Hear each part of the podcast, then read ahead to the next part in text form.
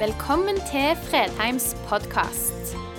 For mer informasjon og ressurser, besøk oss på fredheimarena.no, eller finn oss på Facebook.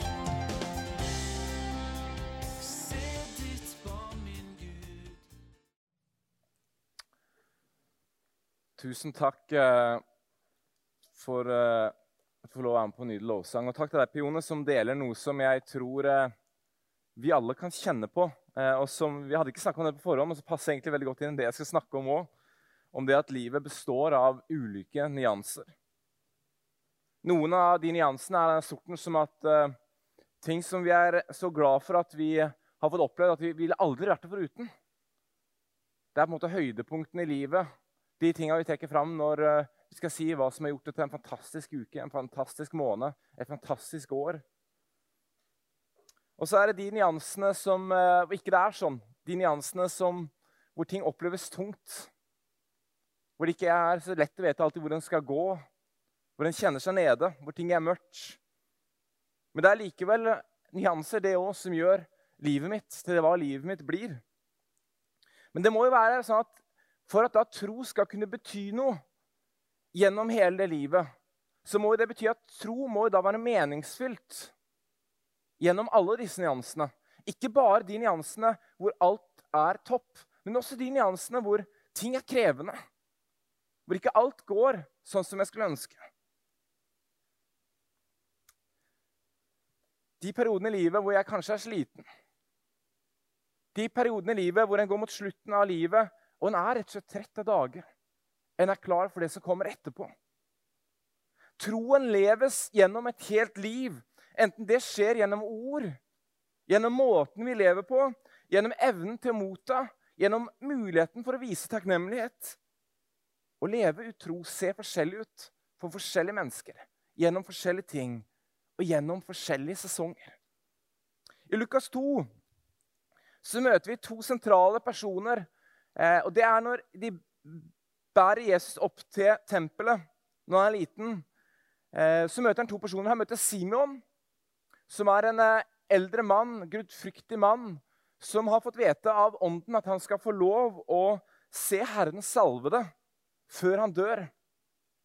Og Den andre er en eh, Anna, en profetinne på 84 år, som holder seg i tempelet dag og natt nærmest i faste og bønn. Begge disse to spiller nå en rolle i Lukas 2 når Jesus kommer til tempelet. Begge to ville trolig for lenge siden ha vært pensjonert eller pensjonister ut fra norsk arbeidsliv. Men du skjønner, hos Gud så blir vi ikke pensjonister.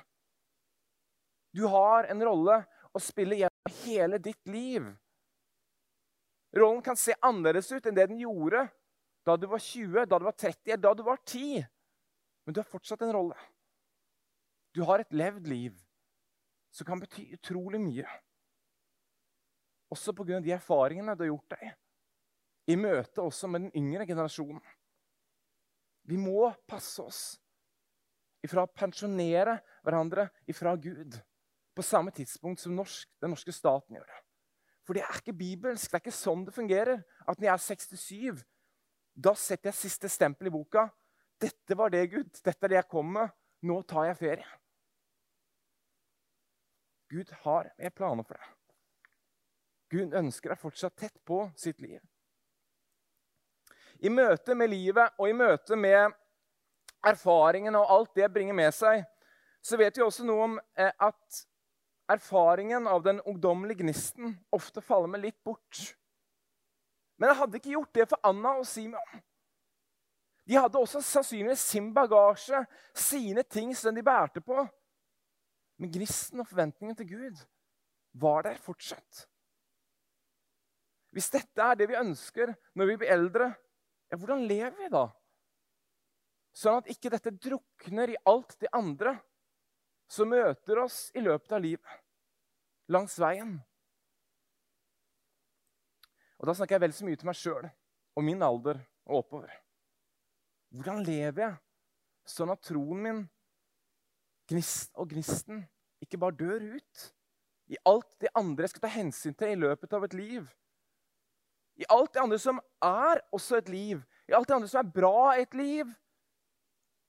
Og i alt det andre som jeg skulle ønske jeg ikke fikk del i i mitt liv, men som likevel blir livet mitt. Hvordan lever jeg så ikke det gnisten dør ut? Hvis troen er gjennom hele livet, så må det også bety at den er der i etableringsfasen. Den er der i studiefasen. Den er der i karrierefasen, småbarnsfasen, i de tingene som ble sånn som jeg trodde det skulle bli, og i de tingene som ble annerledes enn slik jeg hadde håpet. Og de tingene kommer det til å være mange av i løpet av livet. Som ble annerledes enn det du hadde håpet. Men så blei det likevel sånn.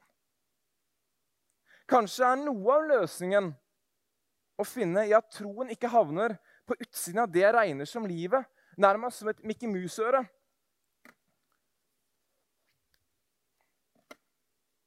Hvis troen da er Eller hvis dette her er da livet, da. Og så blir troen bare et lite øre sammen med alle andre ører som henger på livet. Her oppe er troen. Jeg skriver så sinnssykt stygt. Men poenget er det. Her er det veldig lite berøringspunkt. Hvis det er sånn vi lever vårt liv, at det nærmest ikke finnes berøringspunkter mellom troen og livet, at vi går, opplever at livet handler om å gå og drasse på en tro at Da skal det ikke veldig mye til før den begynner å dette av. For berøringspunktene er så små. Men hva hvis det så annerledes ut, da? Hva hvis livet Dette var livet. Men istedenfor å plassere troen utapå livet som noe vi drasser med oss i enkelte deler av livet, så blei troen noe som lå inne i alt det jeg gjorde. Ja, jeg skriver bare et kors, jeg. Det var litt lettere. At troen nærmest berører alt, har berøringspunkter inn i alt av mitt liv. Og livet mitt berører også troen. Så det er ikke noe jeg går og drasser på, men det utgjør den jeg er. Hvordan jeg vil leve mitt liv, hvordan jeg tenker. Hvilke ønsker jeg har for livet. Jeg tror, Hvis vi leser Bibelens materiale, jeg tror det er sånn det er tenkt å være. At Kristus tar plass i oss gjennom Den hellige ånd. Jeg tror ikke det er tenkt å være et lite øre på livet som har så små berøringspunkter. Det skal kunne tåle alt. Det skal kunne tåle når jeg har mine verste dager. Når jeg er fullstendig på bånn ikke aner hvor jeg skal gå. Og det skal kunne tåle mine aller beste øyeblikk. De jeg aldri glemmer. Men jeg glemmer heller aldri de her båndpunktene. Men jeg skal være der gjennom alt. Uløselig knyttet til hverandre. Også de gangene jeg har lyst til å skrike til Gud mer enn å tilbe ham. En del teologer peker på at teologi de mener at all teologi egentlig er kontekstuell teologi. Og Ofte når vi hører det, så er det så tenker jeg, det høres veldig liberalt ut. Men er det egentlig det? Jeg tror ikke det. Jeg tror teologi kan være konservativ, men likevel at vi tenker at den er kontekstuell. At den ikke er flytende, men at den møter oss alltid. Gud møter oss alltid på et sted og på en tid. Og det gjorde også Jesus når han kom. Han kom på et sted, og han kom på en tid inn i vår verden. Og egentlig er jo det veldig fint, nettopp fordi troen ikke da blir noe som vi bare drasser med oss. Sånn ser den 100% ut. Men jeg tar et utgangspunkt også i der jeg lever livet mitt. I hvordan det ser ut den møter meg der den er, så den gir mening for hele mitt liv. Jeg tror det er et poeng i det. Jeg tror aldri Jesus hadde blitt menneske. Gud hadde blitt menneske hvis ikke poenget var at vi skulle klare å få inkarnert det nærmest inn i vårt liv. Så det gav mening. Jeg brukte Anna og Simeon som et eksempel eh, på den ene fasen av livet. De som ja, Vi kan vel iallfall kalle de De var eldre. Eh, de var begynte å bli voksne. 84 eh, år gammel. På den andre siden så har vi de aller minste. Jesus hadde jo tydelige tanker om de. Vi kan lese fra Markus 10, hvor det står de ba små barn til ham for at han skulle røre ved dem. Men disiplene viser dem bort. Og Da Jesus så det, ble han sint og sa til dem, La de små barna komme til meg, og hindre dem ikke. For Guds rike tilhører slike som den. Sannelig, jeg sier til dere, den som ikke tar imot Guds rike slik som et lite barn, skal ikke komme inn i det. Han tok dem til seg, la hendene på dem og velsignet dem. Så Jesus da løfter disse opp og enda til nærmest gjør de som forbilder for vår tro.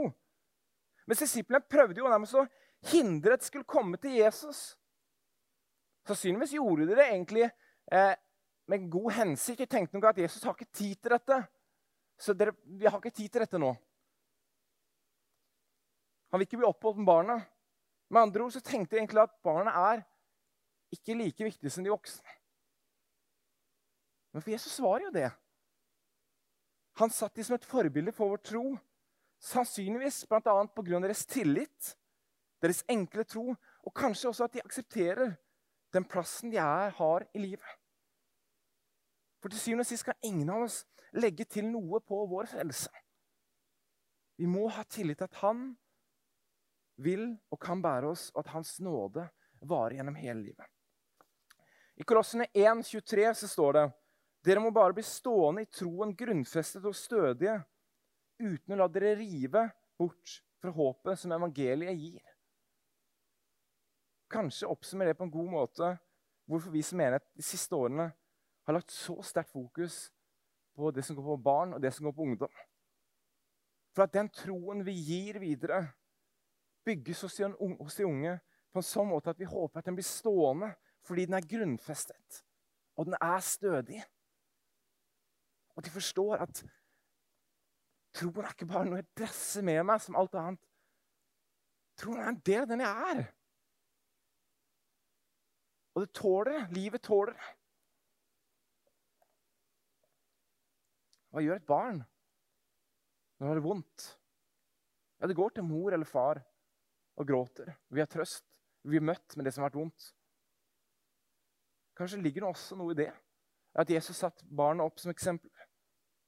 Vi går til far når vi har det godt, men vi går til far når vi har det vondt. Fordi troen ikke er noe som henger utapå, men som er en integrert del i livet mitt.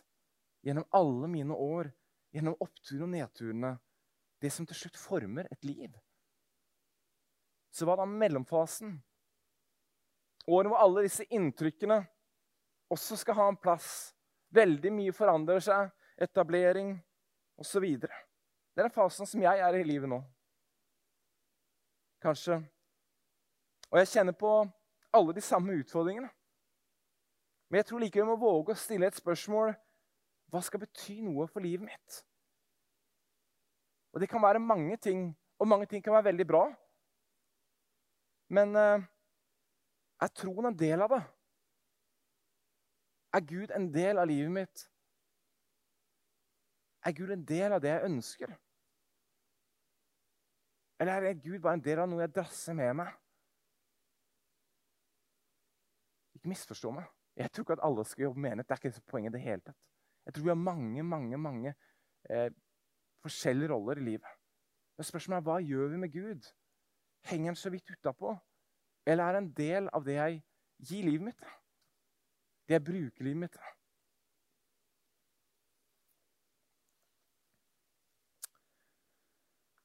Dette er tross alt disse årene 30-åra, 40-åra, 50-åra som Jesus virket i. Det er disse årene den første kirke og disiplene bredte ut evangeliet, starta nye kirker, nådde nye mennesker. Gnisten deres var ikke borte. Og så vet vi at troen er kontekstuell. Det ser annerledes ut i 2021 enn det de gjorde i år 30, 40 og 50 i Midtøsten og Sør-Europa. Og Når vi leser om de og ser historiene, så er jeg fullt klar over at vi leser en del av historien som blir fortalt. Og så er det en del av historien som ikke blir fortalt. De hverdagslige tingene. Når et barn var syk, når ikke ting gikk som skulle hjemme. Når jeg hadde vondt i hodet. Men det utfører meg likevel til å spørre hva skal dette bety for meg? Har vi forstått det riktig? At troen ikke er et øre med bitte lite tilknytningspunkt til livet. Men at troen er gjennom hele livet. Og spørsmålet om hva som betyr noe, ikke derfor handler det om et valg mellom kirken og samfunnet, men heller om troen er noe jeg går til av og til i livet. Eller noe som preger meg gjennom hele mitt liv. Uansett hvor jeg er. Og dermed også påvirker hele mitt liv. I 1. Eh, Mosebok 31 så er vi i en eh, dramatisk eh, episode i Jakobs sitt liv. Jakob flykter her fra Laban med hans døtre Rakel og Lea, som har, han hadde gifta seg med. Jakob har brukt utallige år først til å gifte seg med den ene eh, dattera. Og så fant han ut at han hadde giftet seg med feil datter, og så måtte han bli en del år til for å få lov til å gifte seg med neste datter. Eh, også på det tidspunktet her så begynner han å lure kommer jeg noen gang til å få lov å dra fra Laban. Og han lander da på nei, jeg tror ikke det. Jeg tror jeg er nødt til å flykte. Så han tar med seg konene sine og flykter. Og det som skjer når de flykter, er jo at Rakel, en av eh, konene, da stjeler med seg faren sine husguder uten at Jakob er klar over det. Og Laban kommer da etter etter hvert og spør hvorfor har du dratt. Og så kommer da, så kommer da uh, dette her uh, opp poenget med hvorfor har du tatt med deg husgudene mine. Men Jakob er ikke klar over det. Han sier at jeg, ingen har tatt med husgudene. Hvis du finner i oss noen, så skal den personen dø. For han er helt sikker på det. Han visste ikke at Rakel hadde tatt husgudene. Poenget er likevel det at uh, husgudene blir ikke funnet, for Rakel sitter på dem. Men Jakob hadde ikke noe behov for noen husguder, for han hadde relasjon til den levende Gud, så han forsto ikke hvorfor noen skulle ta med seg disse gudene i det hele tatt. Poenget mitt med historien er dette. Vi har med en levende Gud å gjøre. Men spørsmålet mitt er behandler vi han av og til som om han var en husgud. Så han bare virket noen få steder i livet. I kirken klokka 11, i huskirken eller cellegruppa, når jeg hører på lovsang, når jeg åpner andagsboka. Men alle de andre områdene som da utgjør et liv, siden han ikke er der som en husgud, så er han på en måte borte. Er det sånn? Eller er han med oss også da? at han har blitt en del av den jeg er. Fordi jeg vet han bor i meg. Fordi jeg vet han vil noe med mitt liv. Og han vil noe med de menneskene som jeg òg tilbringer mitt liv rundt.